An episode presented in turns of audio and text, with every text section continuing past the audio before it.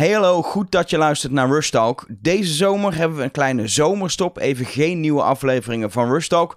Maar gelukkig herhalen we wel de allerbeste aflevering van de afgelopen tijd. Hey hallo en welkom bij Rush Talk, de wekelijkse podcast van Numbers.nl over de impact van technologie en innovatie op onze maatschappij.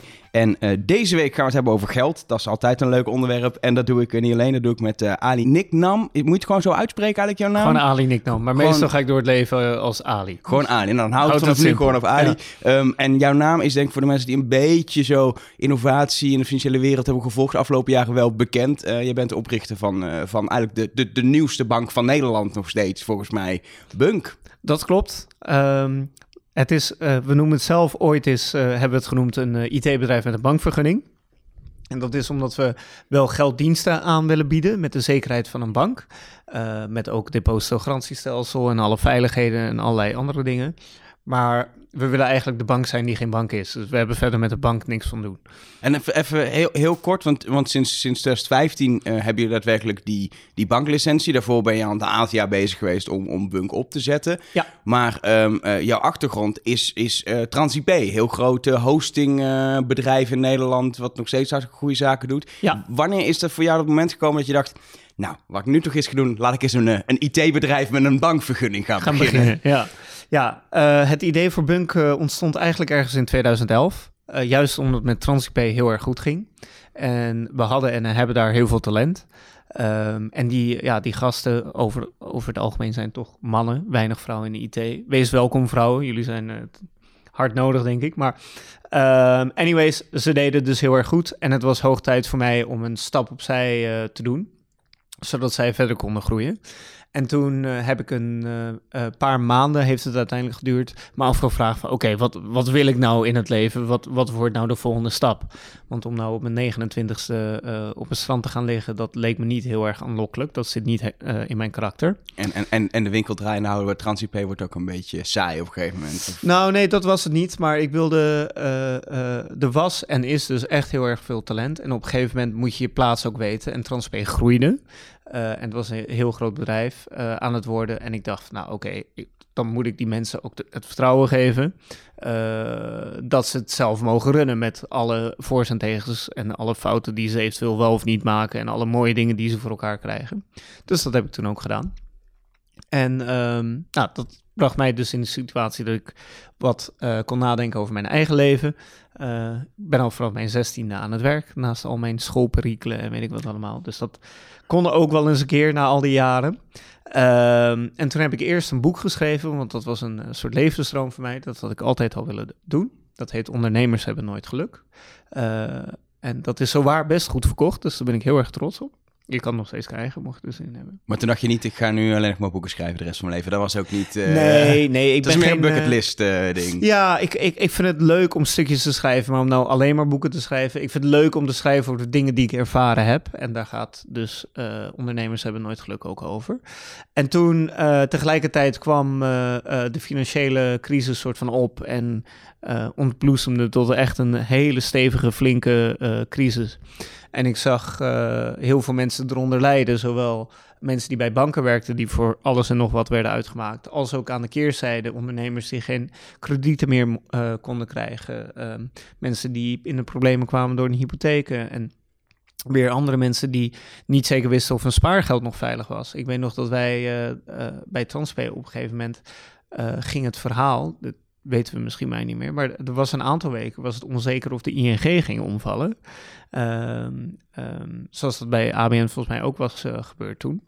Toen was het dus, hoe gaan we de mensen salaris betalen als dat gebeurt? Nou, dat soort praktische dingen kom je dan, uh, kom je dan tegen. En toen kwamen we op het punt dat mensen met uh, oplossingen kwamen. Want ja, de, kan altijd voorkomen dat er iets fout gaat. Dat maakt niet uit. Hoe ga je door? Hoe maak je het beter? Hoe maak je het mooier? En ik had zoiets van, nou, wij hebben ook wel mooie ideeën hoe het allemaal nog beter en nog mooier kan. Um, nou, dus dat uh, idee uh, ontsproot zich langzaam in mijn hoofd. Uh, en ik sprak daar een aantal vrienden van mij over. en die zeiden, ja, Ali, je bent gek. Nou, dat vind ik al een mooie... Dat is al, wordt alleen maar grotere uitdaging. Checklist ja. dan. Het is onmogelijk. Nou, tweede item op de checklist ook dan. Ehm, eh, en dit kan nooit gaan lukken. Nou, dat, daar kwam het een beetje, een beetje op neer. En toen dacht ik, nou ja, weet je, als we nou vooruit denken en we denken na over waar de wereld heen gaat en wat we eigenlijk willen met z'n allen, ehm, wat past daar nou bij? En toen dacht ik, weet je, al die moeilijk doenerij van banken en al die producten en al die regels en al die, nou, et cetera, et cetera, et cetera. Waarom niet gewoon een hele simpele dienst waar je op een super eenvoudige en super veilige manier je geld kan beheren en ermee kan doen wat jij wil. Ja. En zo eh, eh, was Bunk geboren. Ja, en je zegt dat je, je kijkt een beetje in de toekomst van hoe, hoe, hoe, hoe wat doen eigenlijk mensen met een bank en eh, hoe, misschien hoe, hoe, doen, hoe gaan banken daar nu mee om, maar hoe zou het ook anders kunnen? Ja. Hoe verandert ons betaalgedrag, waarbij je ziet dat steeds minder mensen bijvoorbeeld cash, cash hebben en eigenlijk alles doen met een pinpas of een mobieltje. Wa- wat is, want je gaat natuurlijk met best wel een soort open blik op dat moment in als je, als je, als je een nieuw bedrijf start. Wat was jouw visie op hoe dat, hoe dat zou moeten werken? Betalen. Nou, ik geloof niet dat eh, eh, onze visie zozeer was op betalen als geheel. Want dat, eh, die arrogantie wil ik mezelf niet toekennen. Dat, zo grotesk dachten we en denken we niet. Maar we wilden gewoon diversiteit in het landschap. Eh, voor mensen die dingen anders willen, die een andere ervaring eh, nastreven, die andere dingen belangrijk vinden, die andere prioriteiten hebben. En dat was er niet. En dat is er nu wel, dankzij Bunk. En wa- wat, wat zijn die dingen dan? Want je, je zegt die andere dingen nastreven, die andere dingen. Nou, je kan je voorstellen, ehm, kijk, Bunk heeft heel veel dingen eh, anders gedaan. en blijft ook heel veel dingen anders doen.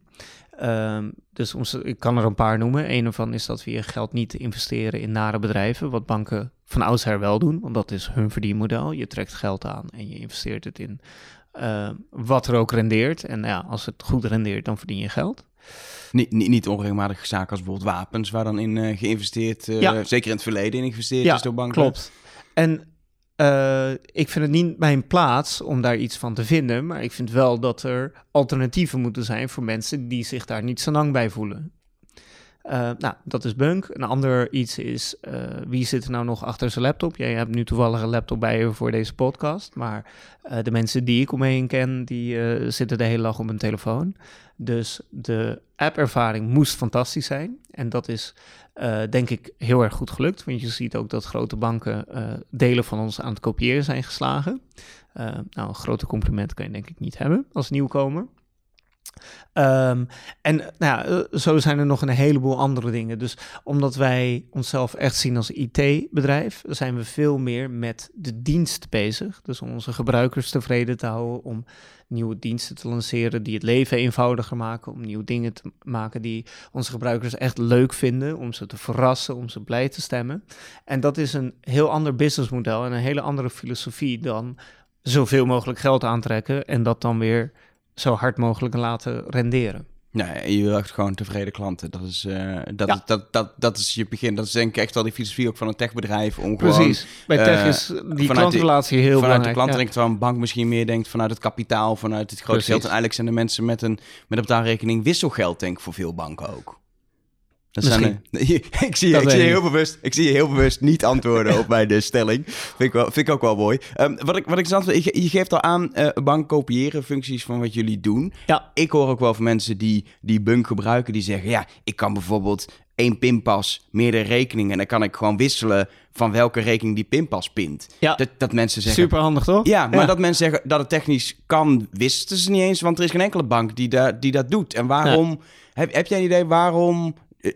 Je haalt natuurlijk het maximale uit, uit de techniek die er is. Want het is bestaande betaaltechniek die je Ja. gebruikt. Ook de passen, dat is gewoon waarschijnlijk de maestro techniek die gebruikt wordt. Die, die, die koop je eigenlijk gewoon in, dat, dat gebruik je gewoon. Maar daar kan dus veel meer mee dan wat we nu toe hebben gezien. Hoe kan het dat, dat de banken daar niet mee aan de slag zijn gegaan met die mogelijkheden?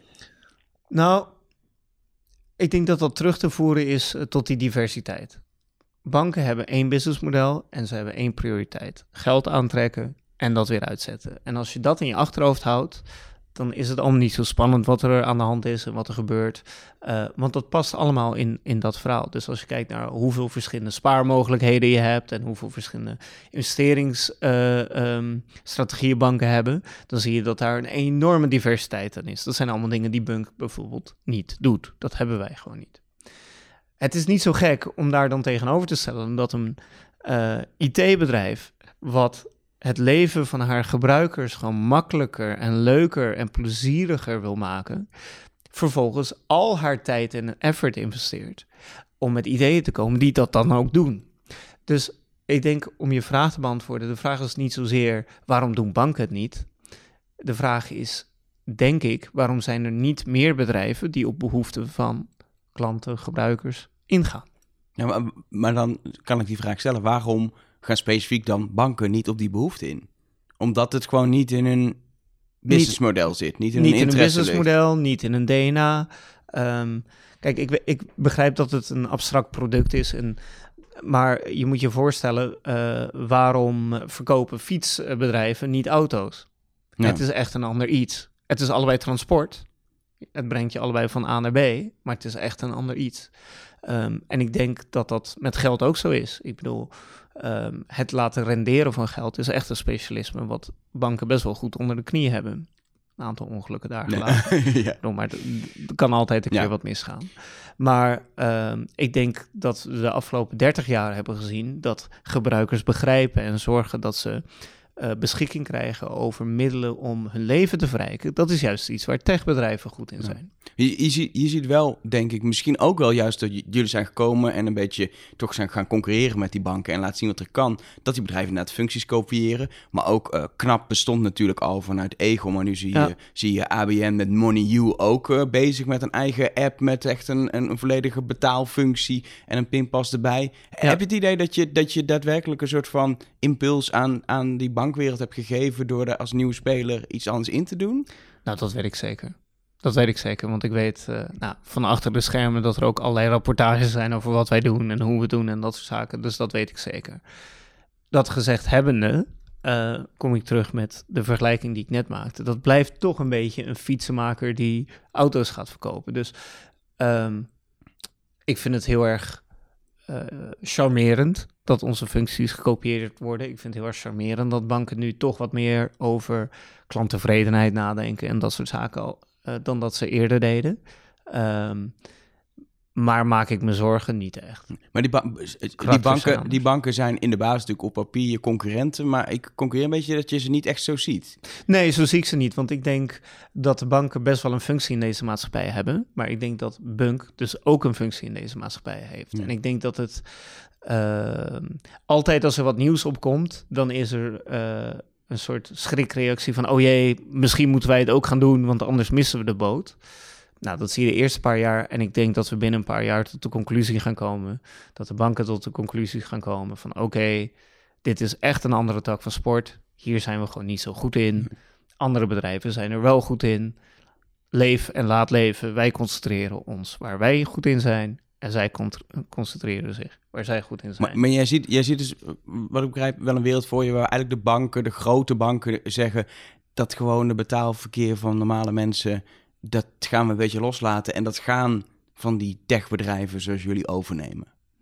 Dat, uh, dat zou zomaar kunnen, ja. En, en, zou zomaar kunnen. En, en als dan kijkt naar, naar een beetje landschap in Europa, dan zou een concurrent van jullie eerder de Duitse N26 zijn of Revolut, die uh, ja, toch meer in jullie straatje zitten, denk ik, dan, ja. dan die banken. Ja, klopt. En je ziet dat de tone of voice en de producten die we maken en dat soort zaken, die lijken ook wat meer op elkaar dan uh, vergeleken met een traditionele bank. Ja.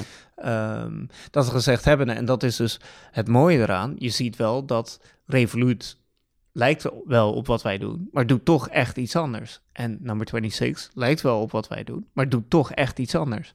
Um, en dat is alleen maar mooi, want zo krijg je dus een diversiteit in het landschap. En kan je als consument uh, kiezen wat het best bij jou past. Ja, als je kijkt naar die consumenten, dan, dan zien we volgens mij veel mensen die die bunk zijn gewoon gaan installeren. En ik ben er zelf ook zo hey, iets nieuws.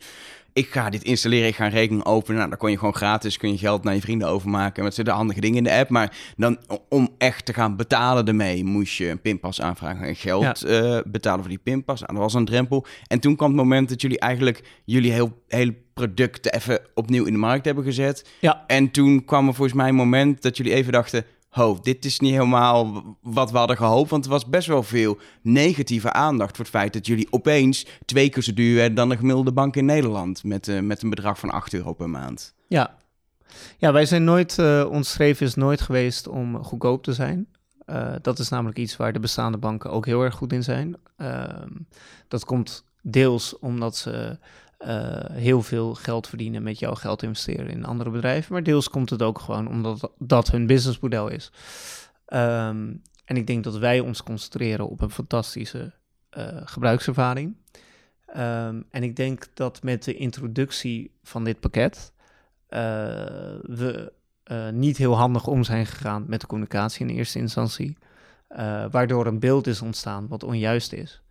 Um, want wat, er, wat wij hebben gedaan is, we hebben de pakketten versimpeld, vereenvoudigd. Eerst als je bij Bunk zat, uh, moest je per transactie wat betalen, moest je per pas wat betalen, moest je per... Nou, het was echt een lijst met 30 of 40 of 50 items, ik weet het al niet eens meer. Uh, met verschillende kleine bedragen ja. die, je, die je moest betalen. Dus was heel veel uh, feedback die we daarvan kregen. Um, was dat mensen het gewoon niet zo goed begrepen en daardoor eigenlijk niet gebruikten. Dus wij hebben naar gebruikers geluisterd, naar de gebruikers die het product daadwerkelijk gebruikten. En we hebben het vereenvoudigd tot één simpele prijs van 7,99 euro per maand. De gebruikers die het gebruikten, die waren er heel blij mee. Maar er waren ook een aantal mensen die het niet zoveel gebruikten. En die, ja, elke verandering uh, uh, heeft de potentie om voor een aantal mensen zeg maar ongunstig uit te pakken. En die hebben Twitter volgeklad en een journalist heeft daar, nou, er zit gewoon een verhaal in, dus dat is een, een leven gaan leiden. Maar als ik kijk naar de cijfers en als ik kijk naar het actieve gebruik en als ik kijk naar onze gebruikers die het product gebruiken, die zijn er ontzettend blij mee dat het nu een stuk eenvoudiger is. Ja. Ik, ik denk dat het ook altijd te maken heeft met dat mensen misschien een verkeerd beeld hebben gehad dat jullie letterlijk gaan concurreren met de banken, met dan eigenlijk daar onder de tarief willen zitten en die banken willen concurreren. Terwijl, terwijl jullie het met een heel andere blik doen en dat daar ja. een soort mismatches ontstaan. En het is natuurlijk altijd makkelijk om te zeuren dat iets duur is. Dat is ongeveer het makkelijkste om over te zeuren samen met het weer. Um, uh, dus dat is denk dat is denk ik gebeurd dan. Maar, ik denk dat je gelijk hebt. Maar, maar uh, uh, zonder dat je, je gaat vast niks over gebruiksaantal zeggen, maar, maar heeft het op lange termijn geen negatief effect nee. gehad? Nee, helemaal niet zelfs. Oké, okay, dus helemaal het is, niet zelfs. Dus, dus het was even, even uh, PR-technisch niet het mooiste moment uit jullie historie, maar op dit moment uh, kijk je er, kijk je, krijg je goed terug op de verandering, zeg maar. Uh, ja, en zelfs de PR, dat vonden we heel erg vervelend om gebruikers tegen de haren in te strijken. Uh, maar uh, Freddy Heineken zei ooit, volgens mij, slechte pers bestaat niet. Nou, dat hebben wij in de aantallen ook teruggezien. Uh, over, over pers gesproken, jullie kwamen opeens uh, uh, twee weken geleden in het nieuws omdat jullie degene zijn die, die de 18-jarige DDoS'er ja. bij de politie hebben ja. af, nou niet letterlijk afgeleverd, maar wel hebben aan mee hebben geholpen. Ja, ja. Dat hebben we ook nog even gedaan tussen neus en ja, door. Dat maar klopt, wat, wat is daar gebeurd? Want letterlijk, een, die DDoS waarschijnlijk is dan ding, heeft hij jullie aangevallen. Ja. En jullie hebben natuurlijk gewoon een beveiligingsteam wat hier aan het research is en op een gegeven moment hebben jullie gewoon gezegd: uh, we dragen alles van de politie en we hebben hem, zeg maar. Is dat heel kort het verhaal? Uh, ja, daar komt het op neer. Dus ik denk dat voor het beeld heel belangrijk is om onderscheid te maken tussen hacken, waarbij je systemen binnendringt en waarbij je echt technische kennis moet hebben en dat ook moet toepassen. En meer een soort baldadigheidsvandalisme, uh, uh, zullen we maar zeggen, wat deze jongen deed. En dat uh, resulteerde in heel veel overuren voor ons om de systemen vlot draaiend te houden. Maar de veiligheid is bij zo'n actie niet in het geding. Maar het is natuurlijk wel vervelend, we moeten s'avonds en s'nachts doorwerken om systemen op te schalen en systemen bij te prikken en netwerkcapaciteit uit te breiden en filters toe te passen en al die dingen doen om de gebruikservaring geweldig te houden, wat ons best goed is gelukt. Want ik geloof dat we, um, los van de eerste aanvallen, hebben qua downtime, zeg maar, onbereikbaarheid van de app, dat is minder dan een uur geweest, alles bij elkaar. Um, maar goed, dat onverlet dat dat dus heel veel uh, tijd en energie heeft gekost hier. En toen zijn we op een gegeven moment uh, uh, tijd gaan steken in het achterhalen van wie het nou was. Nou, toen hebben we een dossier gemaakt. We hebben daarbij heel goed contact gehad met team Heilig Crime van de politie.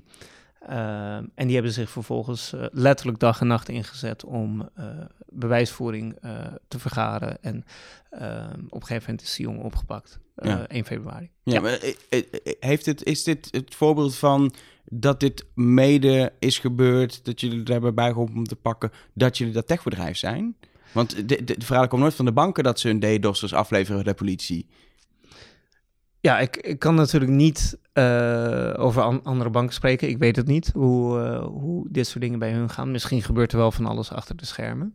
Uh, maar ik denk dat Bunk vanaf het begin altijd heeft gesteld dat wij transparant zijn.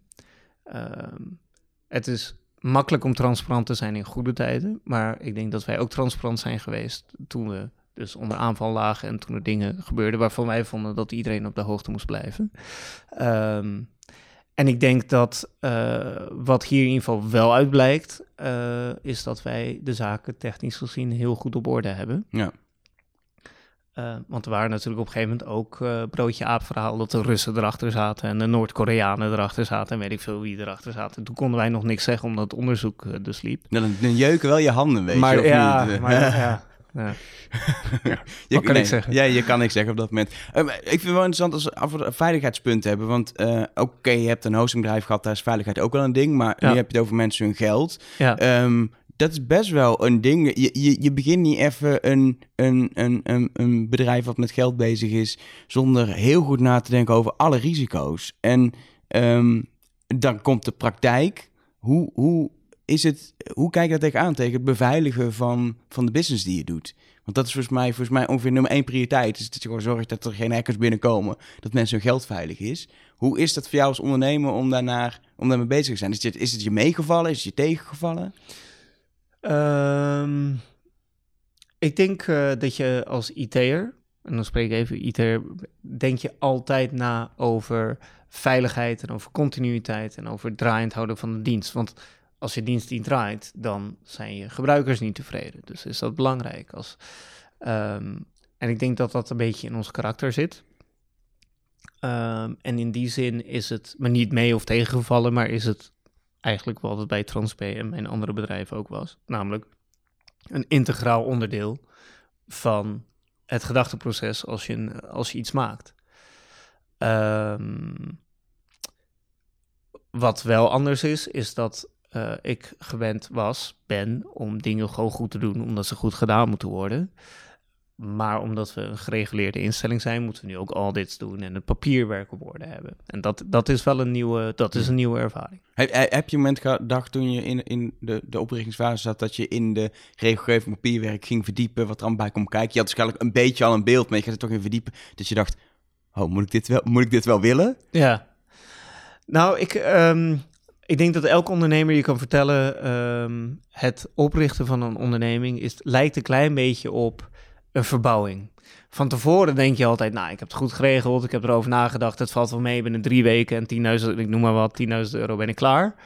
Maar ja, dan gaat die eerste hamer in de badkamer en dan springt er een leiding lek en dan is er wat anders. En dan ben je op een gegeven moment uh, drie maanden verder en dan uh, staat het zweetje op de voorhoofd. Uh, maar ik denk, that's part of the game. Ja.